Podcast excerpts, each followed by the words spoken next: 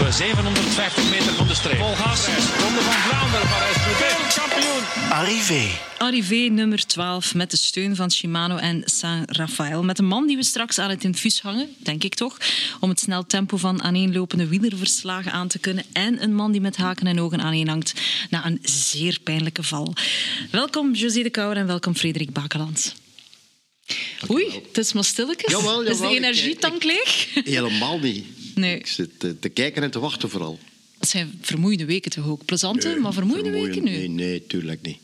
En, en natuurlijk niet. Het is lente, de koersen zijn bezig, het is heel goed weer geweest. Dus ja, tuurlijk niet. Als je nu moe bent, dan eh, kom- komt het nooit, nooit meer goed. Ja, je gaat mij toch niet zeggen dat je na zo'n, bijvoorbeeld nu, hè, komende zondag met de Ronde van Vlaanderen, na zo'n hele dag eh, aandachtig kijken, het is anders dan als eh, liefhebber kijken, hè, dat je niet Ja, meer nee, maar ja, gaat? nu noem je er ook een op natuurlijk. Hè. De Ronde van Vlaanderen is nu echt wel de zwaarste eh, om te doen. Vooral omdat het in Vlaanderen is, over Vlaanderen gaat. En je weet, niet omdat je weet dat er nog meer mensen zitten kijken dan anders, maar je, je leeft er nog met veel meer overtuiging en inleving in. Dat het, eh, dan is het inderdaad een lastige wedstrijd. Zelfs de voorbije Gent-Wevelgem was door alle emoties die erbij kwamen kijken, ook zo vooral helemaal op het einde zo van... Wat was dat?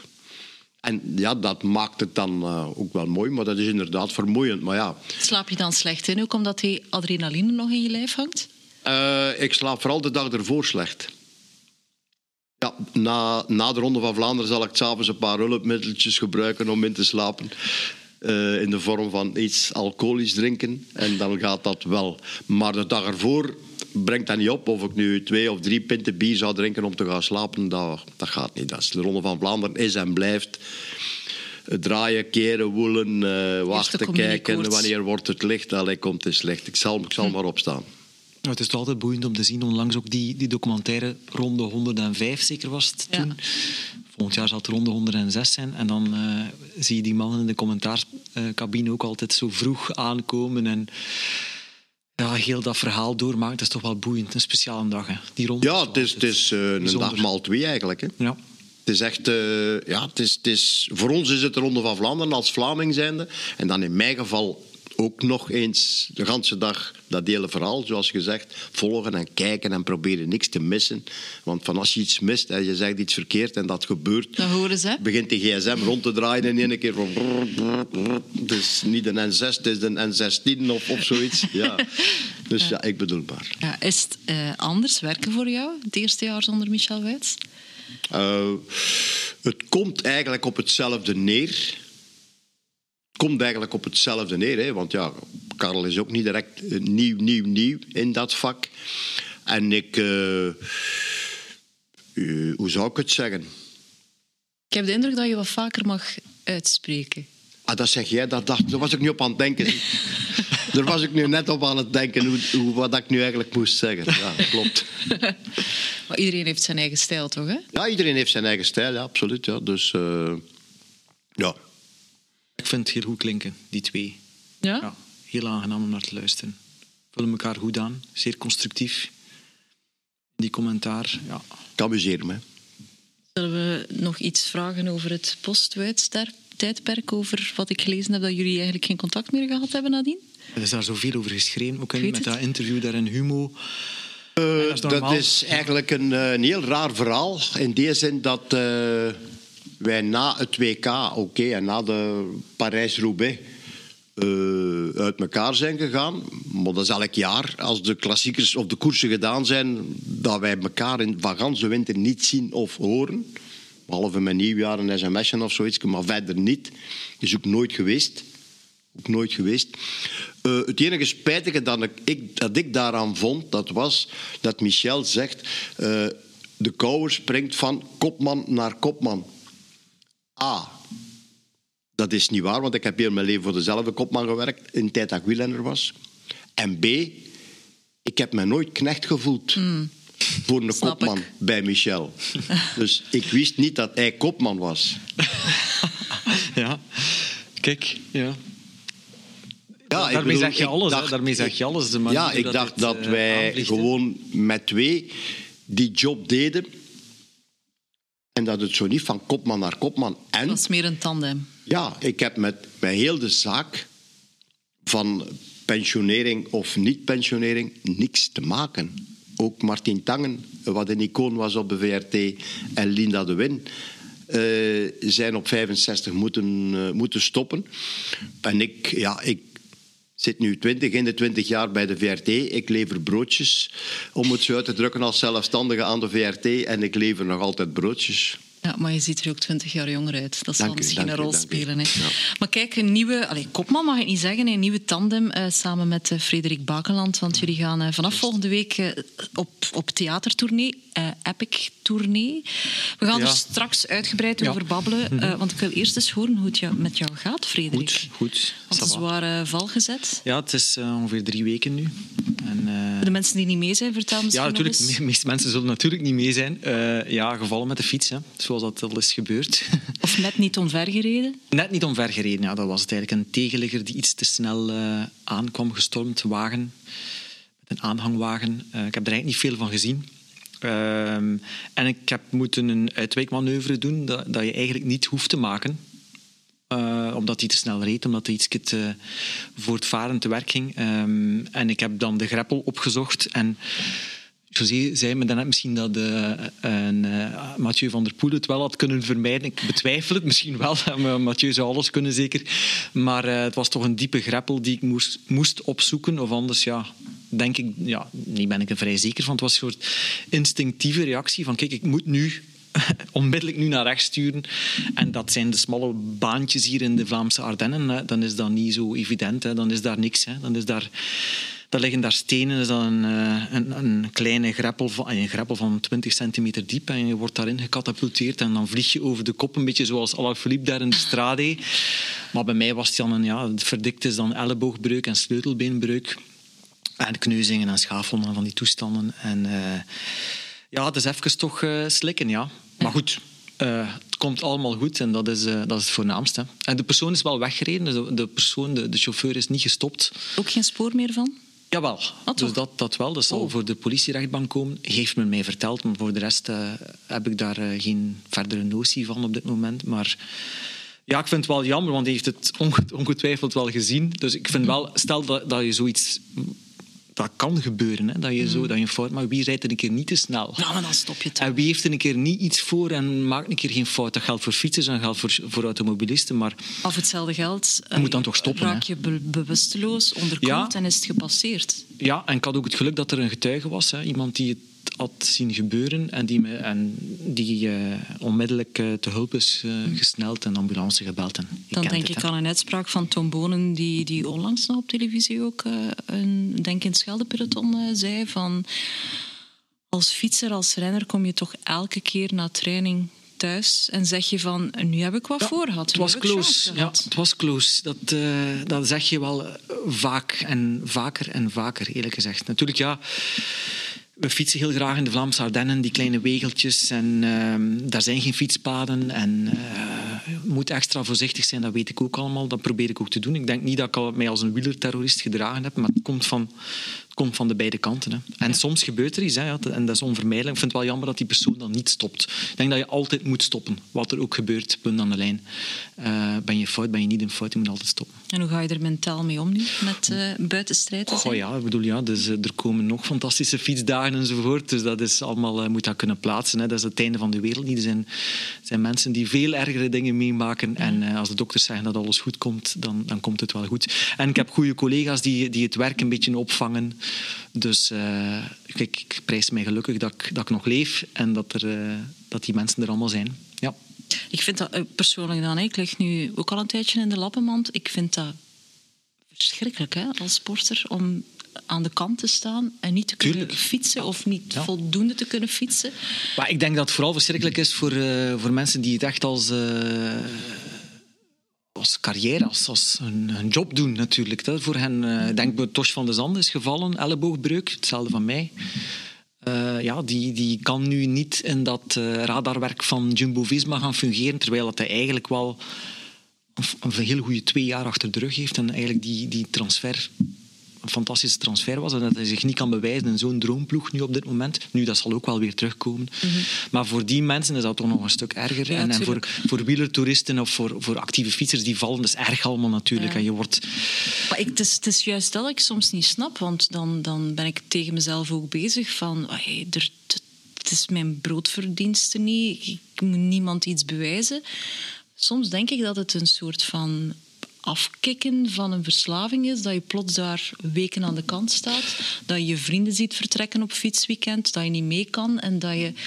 Dat daar Ja, zo dat, Maar ja, goed, wat, wat, wat kan je eraan nu, doen? Wat kan je, wat kan je eraan doen? hè? Ik ben, het was eh, ook eh, fietsweek Grinta Mallorca Experience op Mallorca, onze fietsweek, fietsvakantie met, met de lezers. Ja, natuurlijk moeten passen. Er waren eh fietstestshoots in Italië gepland. Ja, moeten passen natuurlijk. Ik ga er natuurlijk heel graag naartoe naar Italië natuurlijk. En we doen dat helemaal allemaal graag. En eh cholen van hier naar daar. En eh, dat, dat zit er nu allemaal even niet in. Ja, nee. En er waren natuurlijk fietsdoelen in het verschiet. Ja. En, maar nu omdat ik nu een week later op die rollen zit, of binnen twee weken op die rollen zit, dat, dat gaat het niet maken. Dus, Zijn, zijn we aan het zagen, Josie? Een beetje. Ja, maar ik zag je al nee, nee, kijken. nee, nee, maar eh, ja, je dat kan ook eh, je volgende object eh, een beetje uitstellen en winnen. Hè. Ik bedoel, Heyman heeft het gedaan Tuurlijk, door zich ja, voor te ja. bereiden op Parijs-Roubaix. In zijn garage, ergens met zijn hand helemaal op een ladder of Ja, zoiets. Dus eh, het kan. Mhm. Dus creatief zijn, ja. Ik heb toch, toch altijd nog altijd die adrenaline kunnen gebruiken om iets nieuws te doen. Ja. Maar toch lijkt het alsof topsporters er sneller weer staan dan eh, wij, de gewone sterveling op de Ze moeten ook, hè. Ja, ze- ja, het wordt verwacht, ze willen dat zelf. Niet dat ik niet snel wil herstellen, natuurlijk. Uiteraard wil ik dat. Maar eh, ja, het is toch een andere. Ja, maar ook door het feit dat ze dus gewoon een gezonder lichaam hebben Ja. dan de modale Ja. Fietsers, zal ik maar zeggen. Genezen ze vlugger en Tuurlijk. is alles beter. Wat dan logisch is, ze zijn A, jong. En ze zijn ja, eh, geschikt en, en gemaakt om dat soort... Niet om te genezen natuurlijk, maar alles is in een betere vorm en een betere conditie. Er zal ook wel medisch beter aan gewerkt worden om nog meer en sneller die stap te zetten. Hè. Dus ja. Wil je nu zeggen dat ik niet meer jong ben? Eh, ik ben jonger dan Alejandro Valverde. Hè. Toen ik je zag binnenkomen, dacht ik, eh, oei, die heeft een klap gehad, maar toen wist ik nog niet wat. Maar nu weet ik het wel. Ja, ja. Nee, maar, eh, maar ja, ik bedoel, je moet dat eigenlijk... En, en hoe ouder je wordt, hoe meer je dat allemaal gaat re- relativeren, die, die, die zogezegde doelen als niet-sporter. Dan moet je toch eigenlijk wel, wel eh, in de juiste context plaatsen. Want dat is eigenlijk hetgene waarom men wielertoeristen terroristen noemt Ja. omdat ze de zaken niet in de juiste context plaatsen. Oké, ik, ik kijk terecht naar mij hè, nu. Ja? Nee, nee ik bedoel, ik bedoel eh, je mag er veel voor doen en je mag er veel voor laten. Maar als het een hobby is, op dat moment is het nog altijd een hobby. Ja, maar dat, dat klopt, daar ga ik volledig mee akkoord. Maar natuurlijk, in mijn geval is het ook een beetje mijn werk. Ja, ja, Het- zit met, Grinta, met, eh, met cycling, vooral met Grinta. Dan zitten we in die wereld van de actieve fietsen. Eh, dus voortdurend spullen testen hoort daar bijvoorbeeld ook. Fietsen testen hoort daar bijvoorbeeld ook bij. Ik zeg maar iets. Of, of eh, eh, reportages inblikken met de fiets. Dus de, een deel valt ook weg. En bovendien ook het, het, het, het eh, teksten typen. Dat is ook niet zo eenvoudig op dit moment. Ja, zeker met die elleboog. Ehm, dus eh, ja, dat zijn gewoon twee dingen die wel voor mij, voor mij wel wegvallen, die, wel, die het wel moeilijker maken. Maar nogmaals, kijk, ja. En inderdaad, maar ik volg wel, José, dat, dat het toch allemaal wat... te- soms wordt het te serieus genomen door, door eh, een deel van de wielertoeristen. Ja, dat die het toch te serieus nemen. Het is, het is eigenlijk, het- hoe zou ik het zeggen? Het is geen kwestie van te serieus. Het is ergens een beetje dom. Als je het serieus doet, dan besef je met wat dat je bezig bent. Dan weet je, het is, een, het is niet mijn vak. Het is een, een, een hobby. En ik probeer dat goed te doen en daar, daar blijft het bij. Alleen als je dat hobby gaat en je gaat doen alsof je een prof bent, ben je eigenlijk verkeerd bezig. Want dat werkt nooit. Je hebt A, niet de capaciteit, want anders was je prof. Je hebt er niet de tijd voor om, om het te doen, om echt te doen als een prof. In normale omstandigheden, want je hebt maar x aantal tijd om, om dat te doen. En dan vind ik soms dat, dat wielertoerisme eigenlijk erover gaat en eigenlijk ongezond wordt voor sommigen. En op het gevaar af van in het verkeer en alles en nog wat. Ik bedoel, ik, ik heb genoeg met wielertoeristen al te maken gehad, ook in het buitenland. Dat je duizend keer moet zeggen, maar rustig jongens, oh, oh, oh. Ja, er zijn ook verhalen van wielertoeristengroepen die dan verkeerslichten negeren en een gemiddelde snelheid halen van wat ik denk. Kan toch moeilijk op een openbare weg. Je komt toch te veel tegen om die gemiddelen. En dat, vind- dat vind ik er dan ook wel een beetje. En er zijn, we weten wie die, die groepen zijn. Hè. We kennen ze. Ik, ik ben gisteren eh parcours gaan verkennen van de Ronde van Vlaanderen. De eerste 65 kilometer. Dat is nu niet direct het meest mooie parcours van Antwerpen naar Schoonaarden. Eh, maar daar rijden daar over die gewone provinciale banen. Hè. Kruibeke, Haas, Donk, Temses of Sint-Niklaas, Temse, Hamme, Zelen.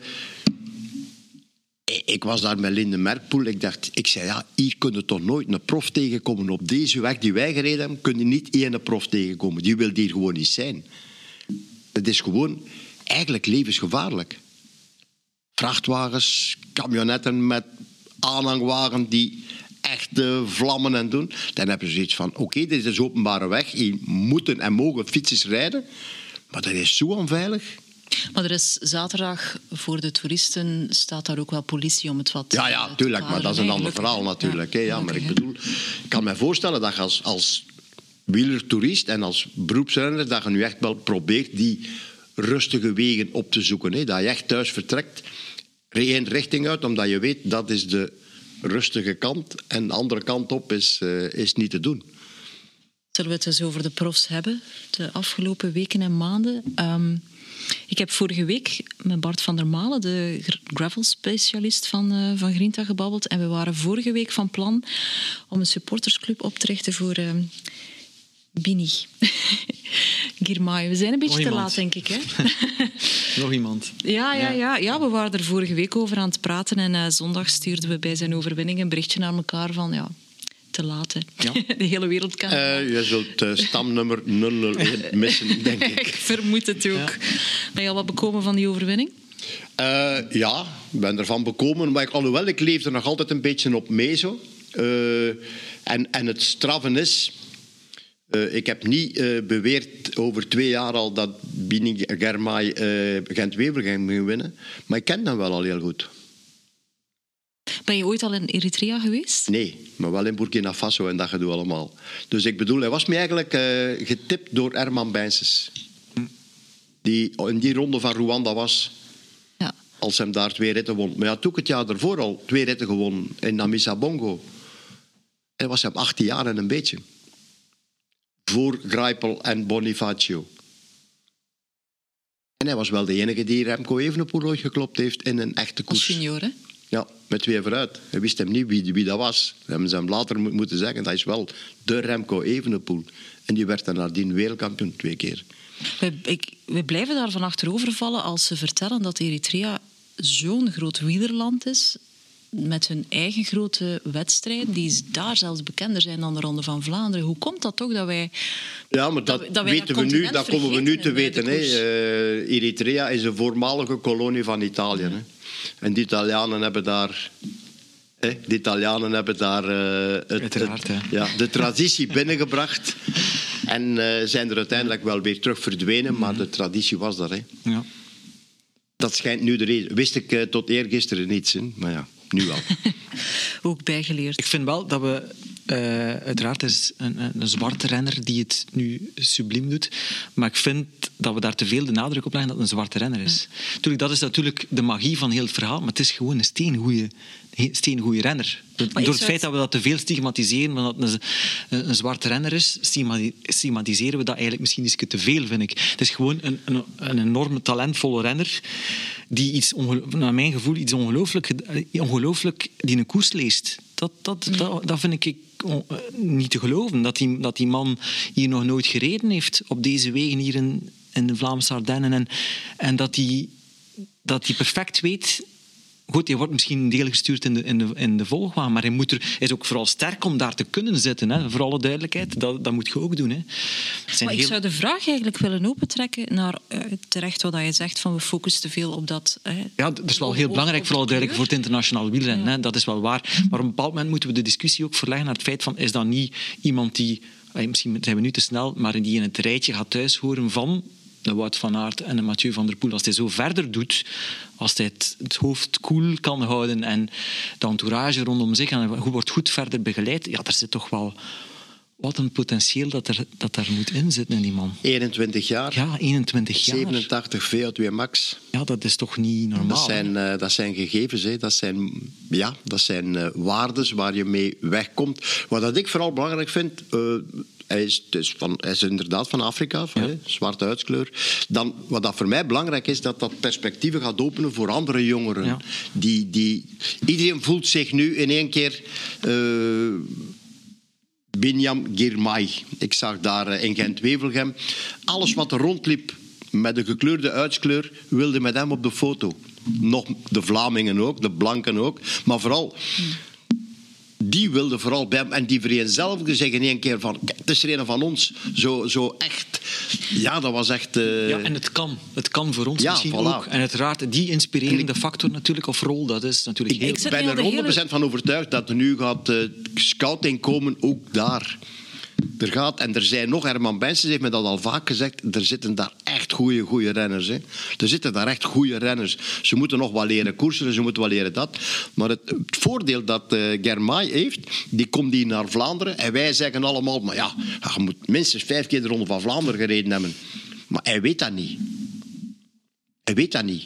Maar eigenlijk is het niet moeilijk. Hè? Ook Pogacar gaat geen vijf keer de Ronde van Vlaanderen moeten rijden. Het is eigenlijk heel makkelijk. Je volgt die kampioenentrui van België en je, en je moet maar gewoon rijden waar hij rijdt. En, en je weet alles. Ik bedoel, men, heeft, men zegt al twintig jaar parcourskennis. Als je goed bent, hetgeen jij net zei, en je hebt de benen om te kunnen volgen. Mm. Als je al niet op voorhand moet beginnen wegrijden. Als je, moet, als je niet goed genoeg bent, dan moet je anticiperen. En dan moet je Hey, proberen wegrijden voor de, de Koppenberg eraan komt, of proberen wegrijden voor de Paterberg of de Taaienberg eraan komt.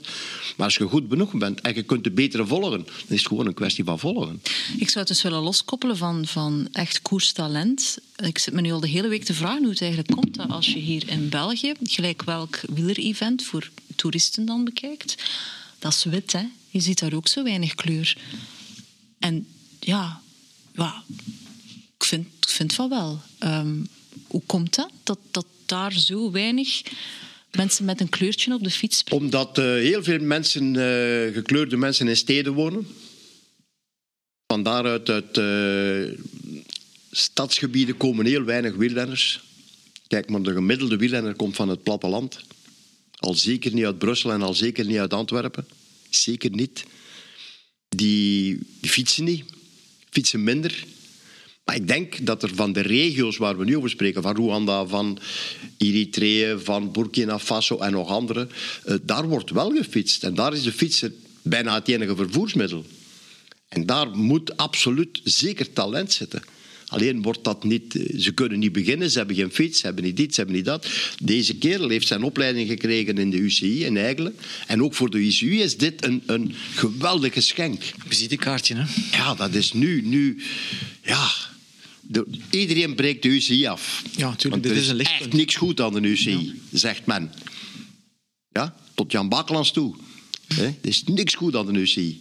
En nu, moet ik toch zeggen, ze hebben hier wel een, iets afgeleverd uh, die er staat. Hij, hij, spreekt goed, hij verkoopt, hij weet met wat hij bezig is, verkoopt zichzelf goed. Daar heb je natuurlijk zo iemand voor nodig, hè, want je kan dat niet maken. Hij moet zo wel zijn. Maar het is wel goed gedaan, ja, moet ik eerlijk absoluut. zeggen. Het is een lichtpunt voor de UCI, zeker. Ja. ja. Maar wordt het niet tijd om in eigen land, uh, nu we al jaren bezig zijn om vrouwen op de fiets te lokken, om ook eens aan diversiteit te gaan werken? Omdat ik snap jouw standpunt hè, van de meeste mensen met een kleurtje zitten in, in stedelijk gebied. Dan zeg jij dat de drempel te hoog is voor die ik mensen vermoed om te het wel, fietsen. Ja. Misschien hebben ze zo'n voorbeeld nodig, zo iemand. Ik denk dat voorbeeld dat gaat inderdaad werken naar, naar kijk, waarom zijn eh veel allochtonen, zal ik maar zeggen, gek van voetbal? Omdat daar ja, voorbeelden zijn die, die, ja, die de boel, die, ze worden naar die sport toegezogen. En het is heel moeilijk om de eerste te zijn. En er zijn nog Eritreërs en er zijn nog zwarte renners en er zijn nog, eh, ik weet niet wat nog allemaal, maar er zijn veel meer voorbeelden in de voetbal, er zijn veel meer voorbeelden in andere sporten dan in de wielrennerij. En dus de wielrennerij A, een dure sport om te beginnen en een heel lastige. Ja, dat is waar. Ja. Ja, want dat was ook het argument dat jaren terug bij vrouwen werd aangehaald. Hè, van het is een dure sport en als je niet weet dat je het graag gaat doen, dan begin je er niet aan om een fiets te kopen. Dus, en daar heeft de mayonaise ook gepakt. Dus Eh, misschien... de mayonaise is gepakt eh, in Nederland en in, ander- in Italië. In België begint het een beetje, een beetje. En het is niet omdat we nu wielerploegen bijmaken dat we betere rensters hebben. Hè. Daar gaan we toch nog tien jaar aan moeten werken. Nog lang mogen bouwen, hè. natuurlijk. Het zal niet... eh, We gaan nog tien jaar aan moeten werken. Hè? Want stel dat... eh, Oké, Patrick Lefevre is niet op de kar gesprongen. Veel te laat natuurlijk. Maar dat vindt hij zelf niet erg. Ja. Hij, heeft dat, hij doet het nu, oké. dat is zijn eigen keuze. En hij heeft ergens een punt van... Ja, waar, waarom zou ik een pro-tourploeg beginnen met vrouwen? Dus ik vind ze niet, want ze zitten nu voorlopig al... Ik moet ze gaan wegkopen. Dus hij wil het nu liever zelf doen. Het wordt een soort opleidingsploeg, hè? nu? Ja, Ja, maar en, en, heeft daar wel een punt inderdaad. Hè. Als ze niet vrij zijn... ja, Ja, die toppers, we kennen ze allemaal. Dus als die ja, ik denk als je morgen gaat zeggen, eh ja, Kopecky is vrij en, en die is vrij en Ja. die is vrij. eh, en dat kost u, ik zal maar zeggen, een miljoen euro of anderhalf miljoen euro of twee miljoen euro om erin te beginnen. Dat Kopecky direct weg is en dat Patrick Lefevre en anderen direct een ploeg maken. Maar stel dat je geld hebt, ten eerste, dat geld dat je krijgt, dat moet, dat moet een waarde betekenen, dat moet, dat moet iets tegenover staan. Je kan niet naar een sponsor gaan, AG in dit geval, en zeggen: ze doen het nu wel, we gaan bouwen. Ja, maar wat krijgen we daarvoor terug? Dat is toch altijd de referentie die telt. Hè? Wat krijgen we daarvoor terug? Ja, podiumplaatsen zullen het eh, niet zijn om te beginnen. Hè? Ja, maar gaat, gaat hij iets verkopen aan de sponsor? Is makkelijk gezegd allemaal, zo. Dat is makkelijk gezegd, hè?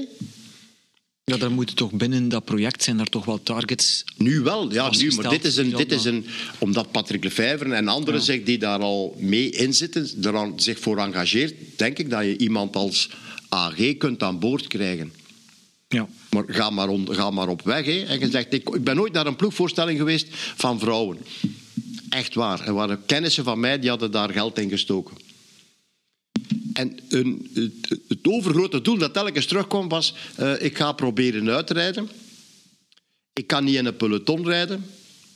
En eh, ik ga proberen om, eh, om eens ja, top 10 te rijden. Dat is toch al van een tijdje geleden. Ja, De tijden zijn toch is vijf jaar geleden. Hè? En die mensen hadden daar wel onder 50.000 euro in gestoken. Ik bedoel, dat is niet eerlijk. Be- Begrijp je wat, wat ik bedoel? Ja, ik begrijp wat je bedoelt, maar in vijf jaar tijd is er wel toch al pak veranderd. Ja, en hoeveel vrouwen zijn er in België bijgekomen dan? Hoeveel hebben we er? Op topniveau Drie, vier? Ik snap wat je wil zeggen. Allee, ik bedoel, Maar ik ben, ik ben wel- absoluut voor. Hè. Ik ben 100% voor. Maar ik begrijp ook, Patrick Lefevre... Als je zegt van... Ja, maar ja, jullie kunnen allemaal makkelijk praten. Ik moet een vrouwenploeg maken. Maar ze zitten allemaal vast en ik, en ik krijg ze niet los. En nu komt er een fantastische ploeg bij, SD Works. Maar je moet ergens beginnen natuurlijk. Natuurlijk, ja, maar ik vind dit fantastisch. Hè. Ik vind dit fantastisch. Over Kopecky gesproken, we zouden tot voor het WK waarschijnlijk verwacht hebben dat het grootste gevaar voor de ronde zondag vanuit Nederland zou komen. Maar ik denk dat we nu wat meer richting Italië moeten kijken ook. Wauw, Van Vleuten zal toch ook wel eh, op punt zijn. Ehm, jij verwijst naar de wereldkampioenen. Tuurlijk. Ja. Ehm, ik denk dat Kopecky toch bij de topfavorieten toch mag gerekend worden. Ik denk dat je niet moet- mocht onderschatten wat, wat die, die, die zege in Strade Bianchi gedaan heeft. Ja, wat Kopecky doet voor trainingsarbeid op dit moment. Hè. Het is Dat alles ook, voor de ja. Ronde van Vlaanderen. Absoluut, dus ja. ze heeft haar eerste grote doel binnen. En dat vond ik op zich wel zo geweldig. Dat was de stoot, hè. Ja, zo mooi. geweldig om, om te weerstaan aan Van Vleuten. We hebben Van Vleuten niet omloop het niets dat zien winnen. Dat was, gewoon niet normaal. Dat kan niet. Dat kan niet. Je gaat je voorlaatste bocht in op kop, vol. Je neemt dan die laatste bocht naar links, ook vol. Met iemand in het wiel die sneller is. Die komt. En uiteindelijk komt hij niet. Ja, de, het fenomeen, hè. Die, die, die schrikt gewoon van het moment zo van... Allee, dat kan toch niet? Ik moet daar gewoon voorbij. En ik kom daar niet voorbij. En dat was voor mij hetzelfde. Ik was in de Strade Bianchi daar. Ik zag Kopecky nog altijd in die dode bocht... waar je eigenlijk een stuk moment niet zag. Dat was zo 10 meter. Gaan ze er nog aanhangen of gaan ze er niet aanhangen? En ze was er nog bij. En dan denk ik, ja, nu wint ze. Dan moest ze het nog wel echt speciaal doen. Maar daar had ze gewonnen, maar ze was er nog bij. En ik, ik weet niet of er één iemand de laatste vijf jaar in geslaagd is om daar op dat moment van Vleuten te volgen. Niemand. Dat bestaat niet. Ik denk dat dat voor eh, haar een enorme... Dit zal op, op wat- termijn had het een, eh, een heel belangrijke zege zijn. Wat Girmay was, is en zal misschien worden voor, voor Afrika, is Lotte Kopecky voor ons. En ik wil ook zeggen, er zijn toch heel veel, en dat hebben we eh, in een van de vorige podcasts met eh, Frank Loriot ook besproken. Er zijn gelukkig er zijn heel veel initiatieven bezig. We, we, we herhalen dat telkens opnieuw, maar ik heb wel het gevoel dat daar toch wel een schwung in zit hoor. In die zij aan zij aan kopvrouwen en fameus, of het, fameus, dat is ook een, een ander project nog. Amuus. Ik heb, Fameus, ja. ik heb één voorstel. Dikke bandenraces. Maar ja, maar wat er ook gezegd is geweest, Ja, ja. ook in, in onze vorige Eén podcast. zaak, geloof mij, dikke bandenraces. Ja? Beginnen op vijf jaar, op zes jaar, op zeven jaar. Fietsje doen, meerijden. Maar ik hoorde speciaal. dat uit de wedstrijden van vorig jaar, die voor kopvrouwen zijn gehouden, dat daar een paar al zijn weggeplukt geweest door ploegen. Dus het werkt wel, hè? Die, Ja, en ook wat Jolien is, is komen vertellen, Jolien Doren komen vertellen voor haar werk voor Cycling Vlaanderen, van die, die tussencategorie, hè, die, die, die drempel, die, te, die stap die te, die te groot is van junioren naar dan profs. Hè, dus dat daar ook nog een categorie tussen. Van, en ook van mensen, die, dames die daar een keer willen proberen en, en willen een keer een koers rijden zonder dat daar veel, al te veel... Die, die durven koersen, die mogen koersen op een circuit, wat Frank vertelde heeft de vorige keer. En, en dat zijn zo van die drempelverlagende acties die moeten gebeuren. Maar van daaruit dat ik zeg, dikke bandenraces, dat is beginnen bij ja, dat is al echt van veel En gewoon vroeger, hè. Ja. niks van licentie of Nee, nee, niks nee. van niks. Gewoon. Hier, Ja. kom, een afgesloten parcours, kunt Doe muziek, Ja. iedereen een medaille, iedereen een drinkbus. Wij hebben dat in Temse georganiseerd. Een succes tot en met. We gaan dat terug doen. En houd er rekening mee, in Nederland, daar gaat men bij de jeugd heel snel dat gevoel geven en, en die, die triggeren om dat te doen. En dat werkt. Als je wacht tot ze 15, 16 jaar zijn, 15 jaar, 14 jaar, dat is veel te laat. Dat is gedaan. Dat is gedaan, gedaan, gedaan. Ja, je kan er nog wel gaan terugvinden die in de 20 zijn en die zeggen: Ja, tja, had ik dat geweten. Maar dan hebben ze al of een job of, of, of ze zijn al met totaal andere dingen bezig of zo. Dat, dan, wordt, dan kan het nog altijd, blijkt nu. Dat gaat binnen tien jaar niet meer kunnen. Als het niveau hoger is, ga je echt wel de lijn volledig moeten volgen. Hè. Nu kan je bij de vrouwen nog er beginnen, of beginnen op 20 en toch nog volgen voor een bepaald segment. Dat gaat niet blijven duren natuurlijk. Hè. Dat kan niet. Dat, is- dat zou ook niet mooi zijn. Hè. Ik denk wel dat niet we logisch zijn. het positieve moeten eh, behouden. En dat is dat wat betreft coverage van het dameswielrennen en dergelijke, dat dat toch wel in de, in de voorbije vijf jaar een, Dat een staat enorme boost voor. De coverage staat voor op de koers. Dus Begrijp- wat ik is bedoel? het verhaal van het kip of tij. Wel, ja, ja, maar dus wat dat betreft, wat dat betreft hoeven ze daar eh, de, de, de, hoe zou ik het zeggen, het in beeld brengen. De, de, de veelheid van beelden staan voor de kwaliteit van het peloton. Ja, maar dat, dat Maar klopt. dat want- mag. Ja, dat mag. En je, je ziet ook wel inderdaad de automatismen die er zijn bij, de, bij het herenpeloton, die zijn er ook vaak nog niet in het damespeloton. Die manieren van koers, die tactieken. Dat, dat hoeft misschien hoeft niet hetzelfde als vrouwenvoetbal. Dat hoeft nooit hetzelfde te zijn dan mannenvoetbal. Daar, Mhm. daar heb ik op zich geen probleem mee. Maar ik bedoel, het gemiddelde peloton is voorlopig, zoals Patrick Lefevre ook wel aanhaalt. En je kan, niet, je kan geen 20 pro-tourploegen maken met vrouwen en daar telkens vijf echte goeie insteken. Dat kan niet, hè? Voorlopig. Nog niet, ja. Nee, hè, ja, maar daar, dat is dus juist de opzet. En het doel, de jeugd, de jeugd, de jeugd, van daaruit dikke bandenrace. Over jeugd gesproken, heeft iemand de eerste aflevering van de Container Cup gezien? Een flart. Ik weet niet wie dat er gewonnen heeft. Ma- Mauri van Florian. Vermeers heeft het Vermeers containerrecord Ah ja, van dat heb ik Wout gezien. van Ja, dat heb ik gehoord. Ja, gepakt. ja, klopt. Ja. De, fiets, eh, de fietsproef. Ja, de fietsproef. Niet gezien? Ja, maar zeg maar niks. Nee. En dat zegt ook niks in het algemeen? Zeg voor maar jou? niks. Nee. Ja, heeft meer wattages geduwd. Maar in, kijk, eh, eh, Florian Vermeers heeft, was toch in dingen zeker, hè? In Gent, Gent-Wevelgem, hè? Was die niet in Gent-Wevelgem? Hebben we hem gezien? Ik heb hem niet gezien, nee. Ja, dat is het punt van José. Ja, ja. Ja, ik bedoel, Koms neerzetten. ja. Strava. Allemaal weggooien. Voilà, daar ben ik mee akkoord. Allemaal weggooien. Ik heb dat trouwens niet, dus ja. Een trainer die bepaalt hoe, wat, welk en koers. Koers is iets anders dan Het is spielerij, hè. natuurlijk. Die kon- Het is leuk om te zien, het is een leuk format. hoe ver ga je erin, hoe, hoe ben je voorbereid, hoe kom je eraan, heb je de dag ervoor nog heel zwaar getraind, Eh wilt u daar in dat soort inspanningen smijten? Eh, ja, eh, s- doet datzelfde met Florian Vermeers binnen tien jaar en die zegt, hé jongens, jongen, me niet zot maken. Hè. Ik bedoel, en sommigen net wel, en andersom maken er prestige van.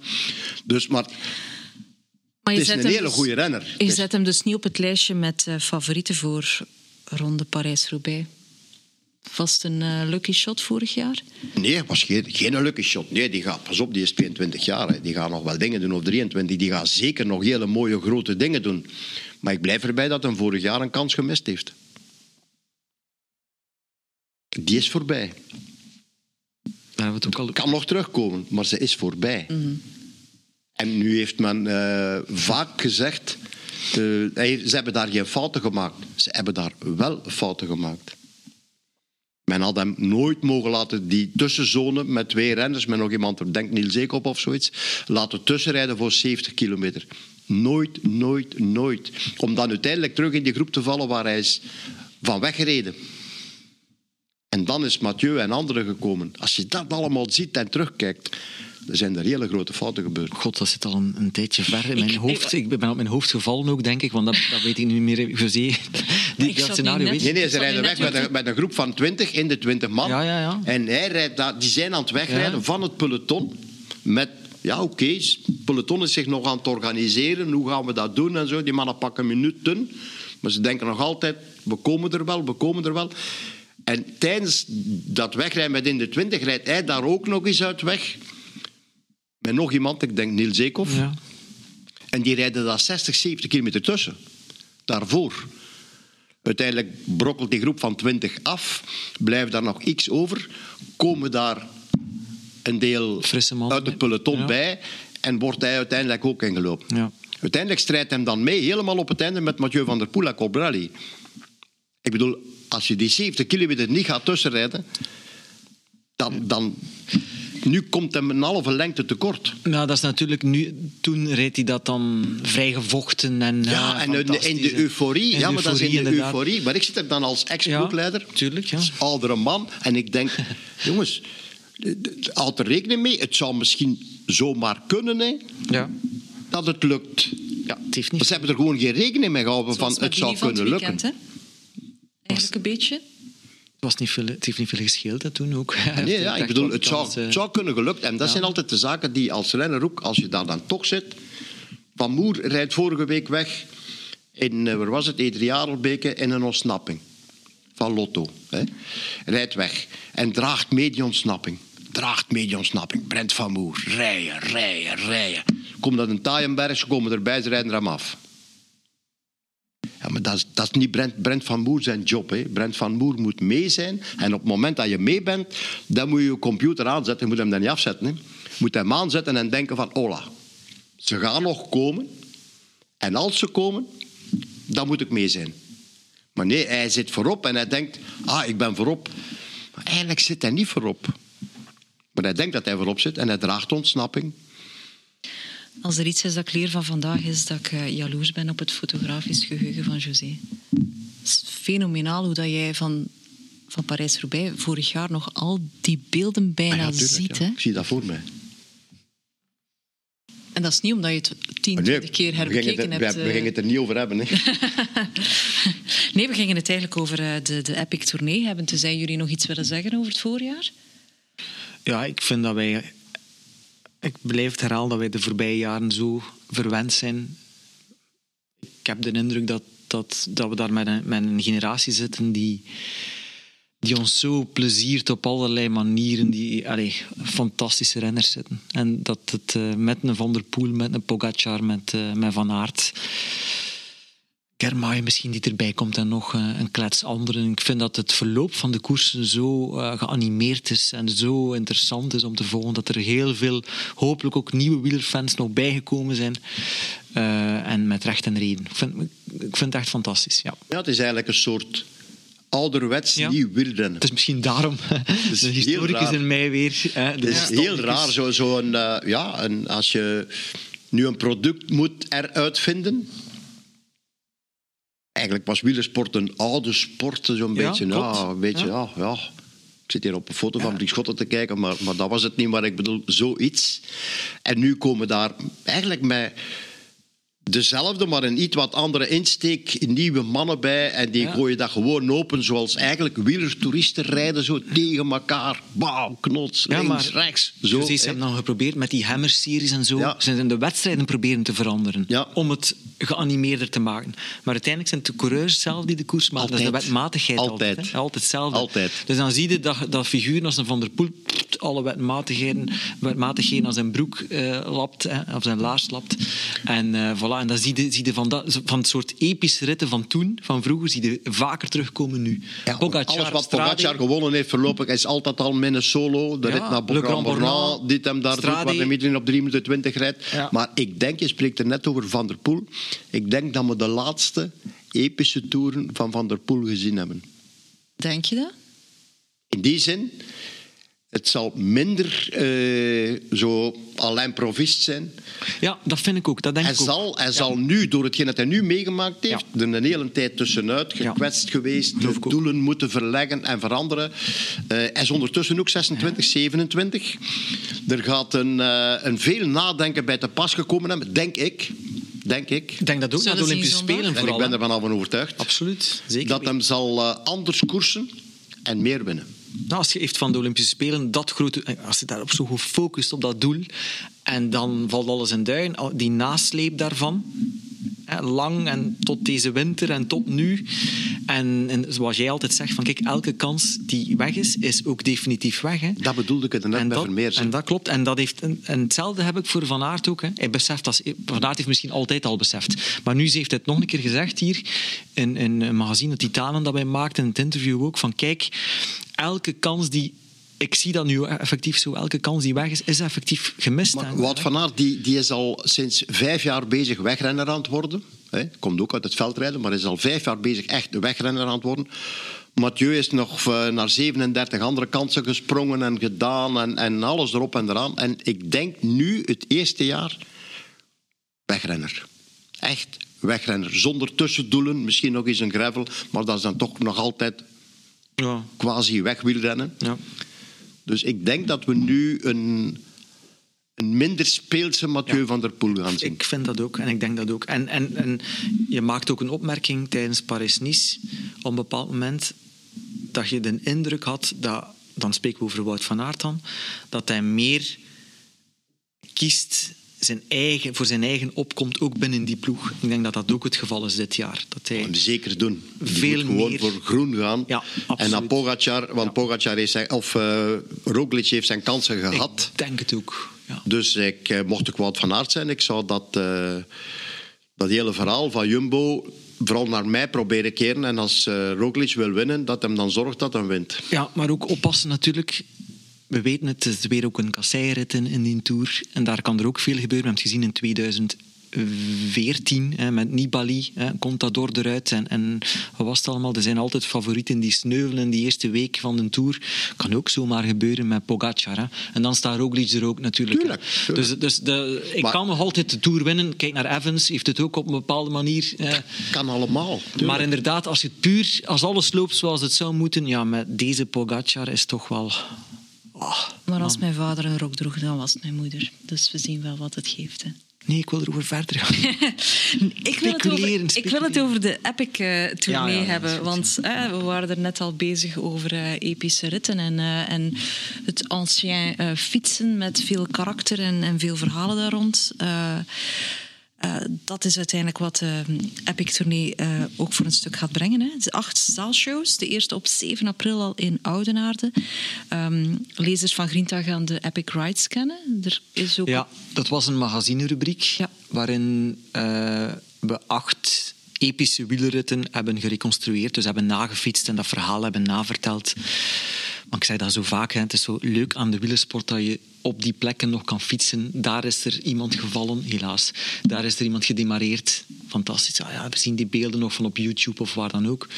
Dus je kan dat perfect gaan traceren waar dat allemaal is gebeurd. En die acht epische ritten van acht wielerkampioenen heb ik dus nagefietst is een magazinerubriek van gekomen. Komt nu, vandaag, eh, een boek van uit. Epic Rides heet dat. En eigenlijk om dat boek ook een beetje kracht bij te zetten. Maar eigenlijk toch voornamelijk om leuke, authentieke, warme praatavonden te hebben. Waar we kunnen vertellen over de koers. Hè. Koeten over de coureurs, koeten over de coureurs zouden ze zeggen in, West-Vlaanderen. Ehm, ja, dat, daarvoor doen we het wel. Hè. Dus dat is die epic tournee, waarbij we het verhaal vertellen van die acht ritten, maar ook daar een beetje rondzwermen.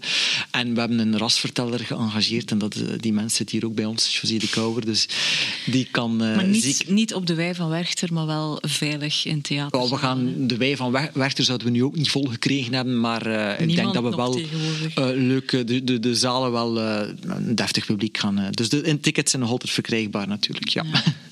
Ja, je hebt het eh, altijd al gezegd hè, dat je mega fan van Copy bent. Acht er- figuren, ja. dus eh, die zit daar zeker al, al tussen. Ehm, Ja, José, je moet in elke podcast moet Fausto Coppi, de naam Fausto Coppi, moet vallen. Voor mij dat is een van de vereisten in ik deze ontslagen. podcast. Ik kan er niet aan doen, het is sterker dan mezelf. Maar wie zijn de andere zeven? Gino Bartali zit er ook tussen. Ehm, ah, chronologisch. Gino Bartali, Fausto Coppi, Jacques Anquetil, Eddy Merckx, Bernard Hinault, Marco Pantani, Tom Bonen en Wout van Aert. Dus dat zijn de acht eh, renners. En die hebben volgens mij acht wel beklijvende, zeer beklijvende ritten ger- eh, gereden en gewonnen het gaat niet zozeer over hun figuur, maar over één over specifieke, één specifieke rit. Natuurlijk, Eddy Merckx heeft er meerdere gereden. Fausto Coppi heeft er ook meerdere epische ritten gereden.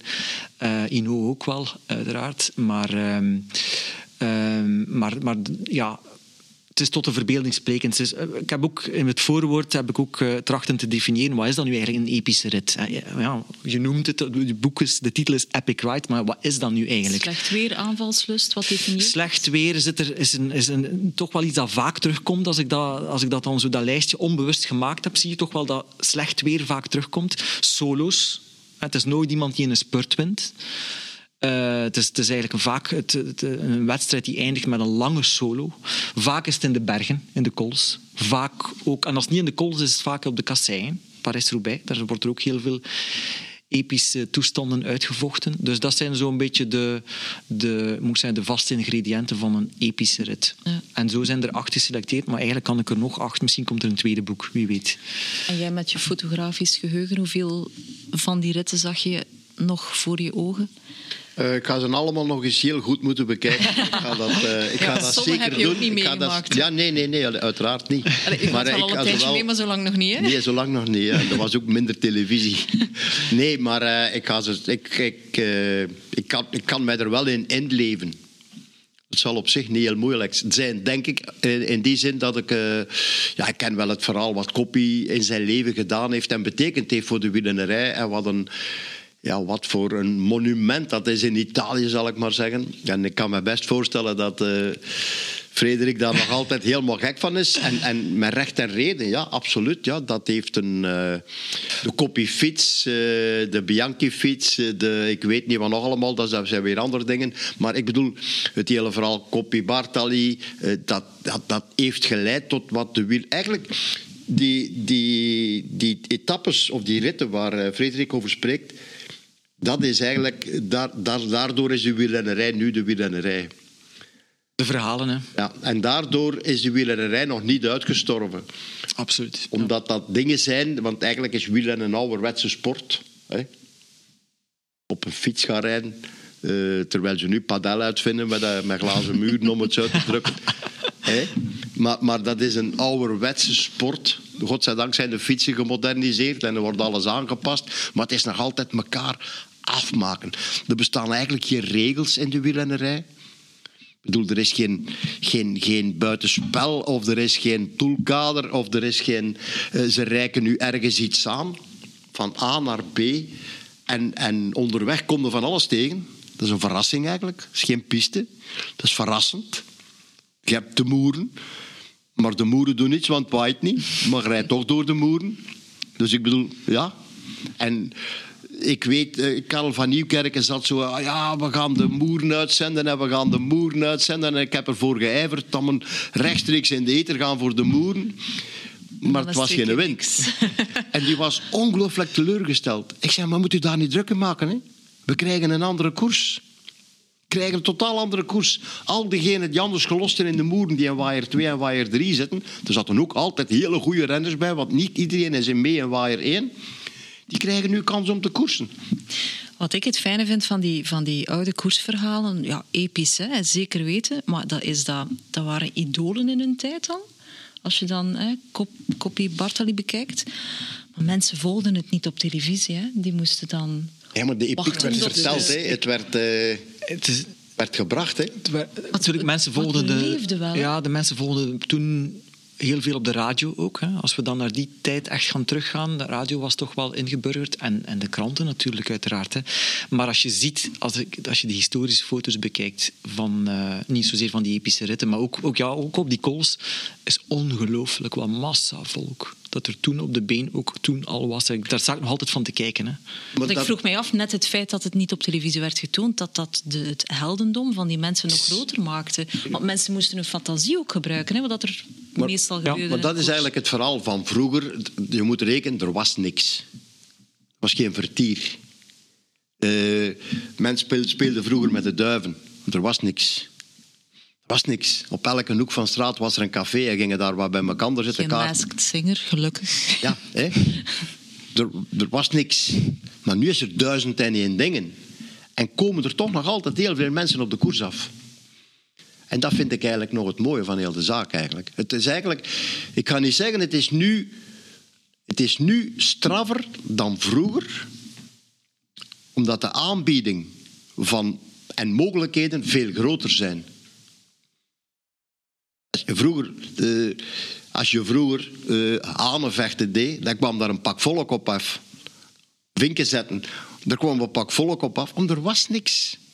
Er was niks. Heb je nog met de vinken gespeeld? Ik heb met van alles gespeeld, maar niet met de Maar nu is er alles. Nu is er alles. En, toch komen ze nog je kan dag, dagelijks, overal kan je naartoe. En dan moet je beslissen. Ah, ik, ik, ik wil die, die, die mythe van dat wielrennen, die renners die voorbij komen op die kasseien. Uh, ik denk niet, ik denk niet dat er zondag iemand langs het parcours staat die op het moment dat het peloton voorbij rijdt geen kippenvel krijgt. Behalve de vips met een glaasje te veel op misschien? Ja, dat zou kunnen. Ja, dat die in een hemd buiten staan, dat die ook nog kippenvel krijgen. maar dankzij de vips kunnen we koersen organiseren. Is koers, dat is waar. En ze doen het zeer goed hè, dit jaar trouwens, de VIP-tenten.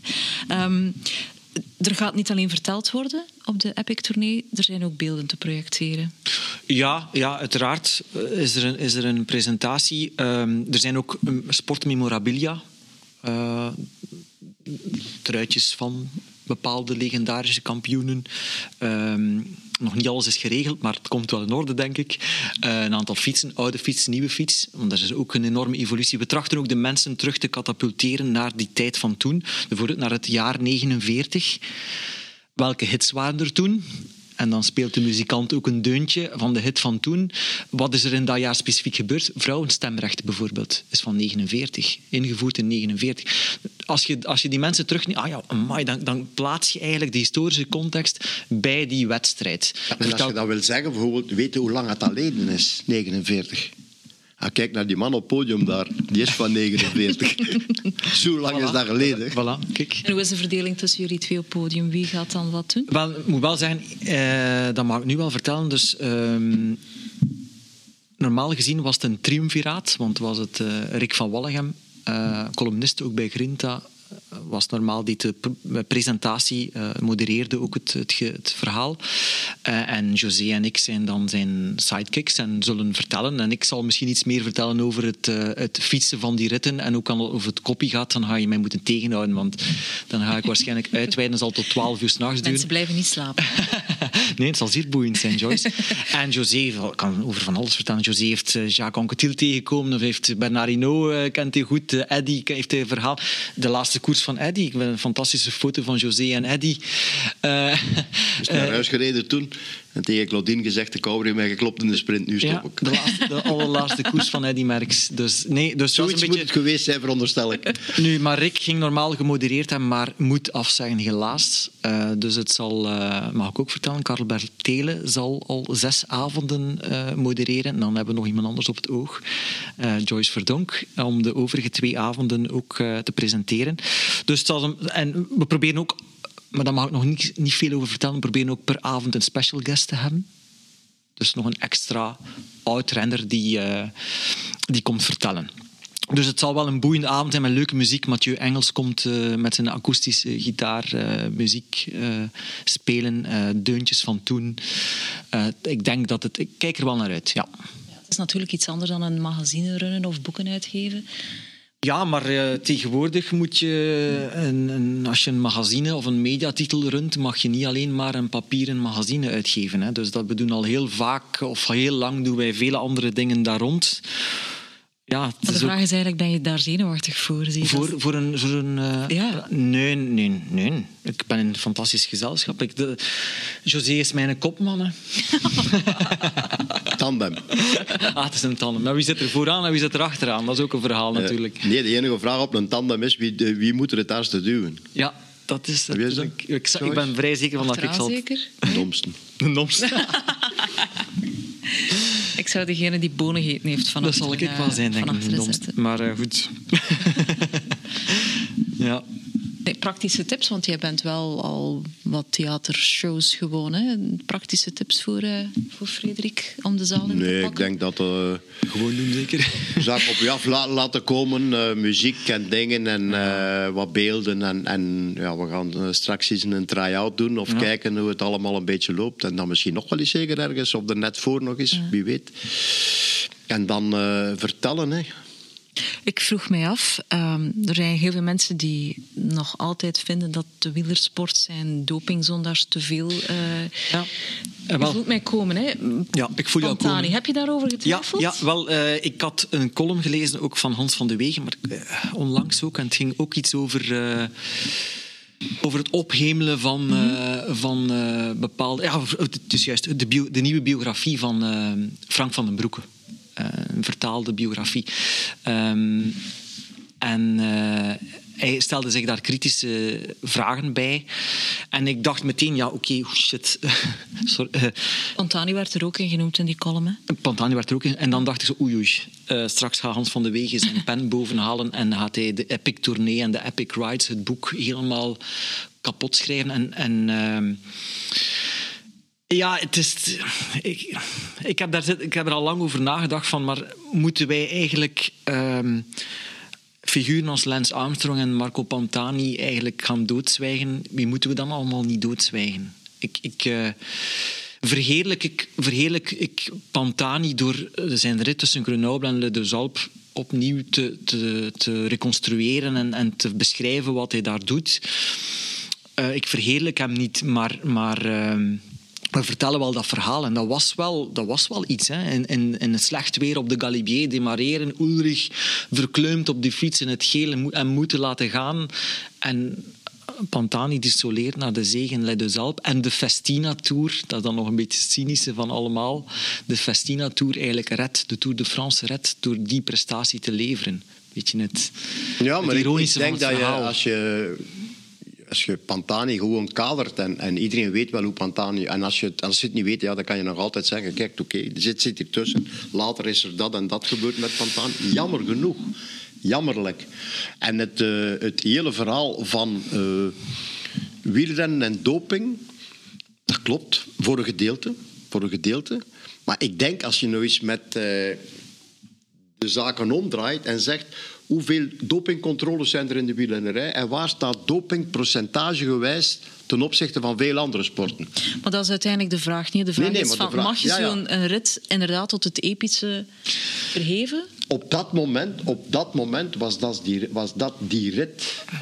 Eh, stel dat, je nu, eh, dat ze binnen vijf jaar afkomen met een iets ander verhaal van dat of dat is toen gebeurd en dat was toen zo of zo. Het is een heel andere context. Hè. Er is ook, ook een interview afgenomen van Fausto Coppi waarin gevraagd werd wat is dan nu eigenlijk La Bomba? La Bomba. Ja, dat was een stel reservebenen, zegt hij. Dat is een drankje dat je moest nemen op het juiste moment. En wanneer, wanneer neem je dat? Wanneer, praktisch, praktisch altijd. Hè, als het nodig is, maar praktisch altijd. Er werd toen een beetje mm, smalend en lacherig over gedaan. Was in een humoristische context. Maar het werd toen gezegd, maar niemand, niemand keek daar naar. Er waren ook geen controles. En vooral duidelijk, het, is pas beginnen komen na het Simpson-verhaal in 67. En is dat beginnen stilaan gekomen. En is dat allemaal... Eh, Jacques Anquetil, ook een van onze epische rijders, heeft ook eh en plein publiek gezegd van kijk... eh, ja, eh, wat denk je nu dat we een Tour de France kunnen winnen of dat we eh, Bordeaux-Parijs kunnen winnen op, op water en brood? Ja, dat is zeker niet het geval. Waarop Charles, en eh, toen dat Charles de Gaulle, toen dat die Charles de Gaulle in 1966 Jacques Anquetil honoreerde met de hoogste Légion d'honneur of was eh, met een grootste erkenning. En toen ze de Charles de Gaulle daarover aanspraken, zeiden van ja, heeft hij de Marseillaise niet laten zingen en laten spelen in het buitenland of niet? Dus was toen belangrijker dat, dat de, de, de, de- het moet zijn, de eer van Frankrijk werd verdedigd. Was dat nu met doping of, of zonder doping? Maakte. Frankrijk heeft, heeft ooit de wereldtitel gehaald, zeker in het voetbal. Was dat ook niet in een periode zo van, eh, van alles en nog wat? Waar de Fransen dwars door de muur liepen en anderen toch moesten navaken. Moesten we het allemaal een keer weten. Maar ik wil daarmee... dat is ook zoiets, hè. moesten we het allemaal een keer weten. Maar anderzijds, ik vind... Maar zullen we Hans niet... van de Wegen gewoon antwoorden? Het gaat over de ritten, het gaat niet over de Maar ja, ik, ik, ik, ik, ik vind dat ook niet echt een probleem om, om, om eigenlijk te praten over Marco Pantani of over, eh, over Lance Armstrong. Als je mij vraagt, heeft Lance Armstrong die, die zeven rondes van Frankrijk gewonnen? Ik denk, ik denk toch wel. Ik denk dat hij die zeven rondes van Frankrijk gewonnen heeft. En ja, Het het enige dat je dan moet antwoorden, Maar je vind moet wel ik, context is van geven, hè? wat, wat, eh, wat heeft Armstrong dan fout gedaan? Wel, hij heeft heel veel fout gedaan. Door dat, door zas, door zo, door zaken die bekend zijn, door zaken die misschien niet, niet bekend zijn. En het... eh, eigenlijk moet je Pantani niet bekritiseren. Je moet daar echt heel veel medelijden mee hebben. Dat is ook het verhaal met Frank van, van den Broeke. Ja, is hij heb, of slachtoffer? eh, Ik, ken, Slachtoffer, ik, ik bedoel maar, ik ken eh, Frank van den Broeke heel goed gekend. En ik ken de familie heel goed. En ik vind het ongelooflijk jammer. En ik ben daar zelfs kwaad op, op Frank van den Broeke. Omdat als je zoveel talent hebt... en op een of andere manier... Hij zal er wel niet aan kunnen doen hebben, hè, dat het hij niet kon gebruiken. Of wilde gebruiken. Terwijl er zoveel andere jongens zijn die zo graag zouden willen kunnen. Maar zo zijn dat niet alleen bij wielrenners. hè. Er zijn ook veel andere mensen die geweldige talenten hebben. En die toch in de goot leven. Frank van den Broek had er gerust ook kunnen tussenstaan, maar ja, je hebt de keuze moeten beperken tot, tot acht natuurlijk. Hè. Heb je zelf epische toestanden meegemaakt bij het eh, herrijden van die ritten? Ehm, ik Of viel het mee, het weer? Wel, de rit uh, Luik-Bastenaken-Luik 1980, Bernard Hinault. Maar Was... dat kun je toch nooit in de sneeuw gedaan hebben? Wel, het sneeuwde wel. Wow. Ja. Dus uh, Neige, Bastogne, Neige, dat was een verschrikkelijke uh, rit. Kan me nu meer, dat zou ik eigenlijk nog een keer moeten opzoeken wat ik juist geschreven had, hoeveel renners er toen gefinished hebben. Maar dat was zo erbarmelijke weersomstandigheden en winterse omstandigheden dat er eigenlijk maar een fractie van het peloton uh, heeft gefinished. Ik denk dat, ik vermoed zelf Henny Kuiper tweede was. Ja. 100 procent. 100 procent zeker. Ronnie Klaas derde. Ja, kijk. Um, daarom, daarom, nee, nee, dat weet ik toevallig. Daarom is, uh, daarom is José de Kouwer uiteraard de gast ook bij de, bij de Epic Tournee. Dus, maar niet, dat was, we hebben toen wel geprobeerd om het in koude omstandigheden te doen. Uh, en het was in slechte weersomstandigheden. Ja, dat was toch wel... Ik vond ook de rit naar uh, de rit Cuneo Pinerolo van Coppi, uh, de Giro d'Italia 1949, Alperit. Uh, heel vroeg vertrekken en uh, uiteindelijk ver, vertrokken. Het was ook exact 70 jaar na die rit. Dat ik dat, ook, ook op 10 juni, hè, dus 2019 was dat dan. Hè? Ja, klopt, hè, 49. Uh, op 10 juni effectief gereden. En ook dan geslapen in de hotels van Koppie, in die kamer. Dus het gaat heel ver, hè, José. Dat mijn adoratie dat gaat heel ver. Ik weet, weet je, die, laat die ritten maar komen. Hè. Ik ga daar gewoon links en rechts iets tussen gooien. Ja, zo. gooi maar. En gooi. jij moet die gewoon vertellen zoals je dat beleefd hebt. Want je hebt ze gereden. Eigenlijk. Ja, ja, en die, die rit dus het gekke was, het was 70 jaar, jaar na die Cuneo Pinerolo. En er was een groep van fietsers in uh, oude fietskledij van toen. Dus effectief met oude fietsen van uit, het, uit dat jaar. Dat moest allemaal perfect zijn. Er was een, een rulebook voor geschreven, een reglement voor geschreven. Niemand mag daar met een, een, een, een blitse zonnebril van nu afkomen. Zei je dat nee, nee. wielertoeristen het soms te serieus nemen? Dat ja, waren echt retro-fietsers, retro, die ook gestart, die, die zijn denk ik die zijn drie uur vroeger gestart dan mij. En die zijn om drie uur s'nachts gestart. Oh. Drie uur s'nachts zijn die gestart aan die rit van Cuneo Pinero, 200, 280 kilometer. Nee, 130 kilometer, ik zou nog een keer moeten juist kijken. Ik weet dat Koppie in ieder geval 190 kilometer alleen heeft gefietst toen. Um, en ik ben die mannen zo stilaan één voor één tegengekomen. Onderweg. En er was dan een sneeuwstorm, hagelbui op de uh, Montgenèvre vanuit Briançon de afdaling richting die laatste klim naar Sestriere. En dat waren echt epische omstandigheden. Dat, waren zo, dat zijn de leuke... Allez, dat zijn toch de dingen die bijblijven. En dan naar de kamer, Hotel Regina, kamer 10 in Pinerolo, waar Fausto Coppi zich verfriste. Dan, dan dat, dat, dat, achteraan, dat, dat, sorry, op dat pleintje uitkijkend. En daar moeten dus al die tifosi gestaan hebben. Fantastisch, José is hier gewoon zijn met zijn ogen aan het draaien. Maar dat Joyce, is... ik zal eens wat zeggen. Als hij dat verhaal vertelt. Oh. En uh, hij heeft al alle acht die verhalen verteld. Hè. Dan gaan de mensen naar hem komen en vragen wanneer dat ze hem straks terug gaan binnen, binnensteken. die gaan vragen, die mensen gaan zeggen van die kerel wordt even losgelaten bij de broeders, maar die moet vanavond toch terug binnen. Want dat kan toch niet dat een normale mens dit soort doen. dingen vertelt. Het is, niet, het is, ik kan er niet aan doen, het gaat heel ver. De een denkt dat hij Napoleon is en de ander denkt dat hij Koppie Maar nog één ding, nog één ding zeggen. Nee, ook ja. wel, bijvoorbeeld, wat ook een fetish is, en dat komt ook terug in dat boek, en dat kan mijn fotograaf ook beamen. Die ligt trouwens ook in de lappenmand. Mijn fotograaf, de huisfotograaf van Grinta, dus veel sterkte van hieruit.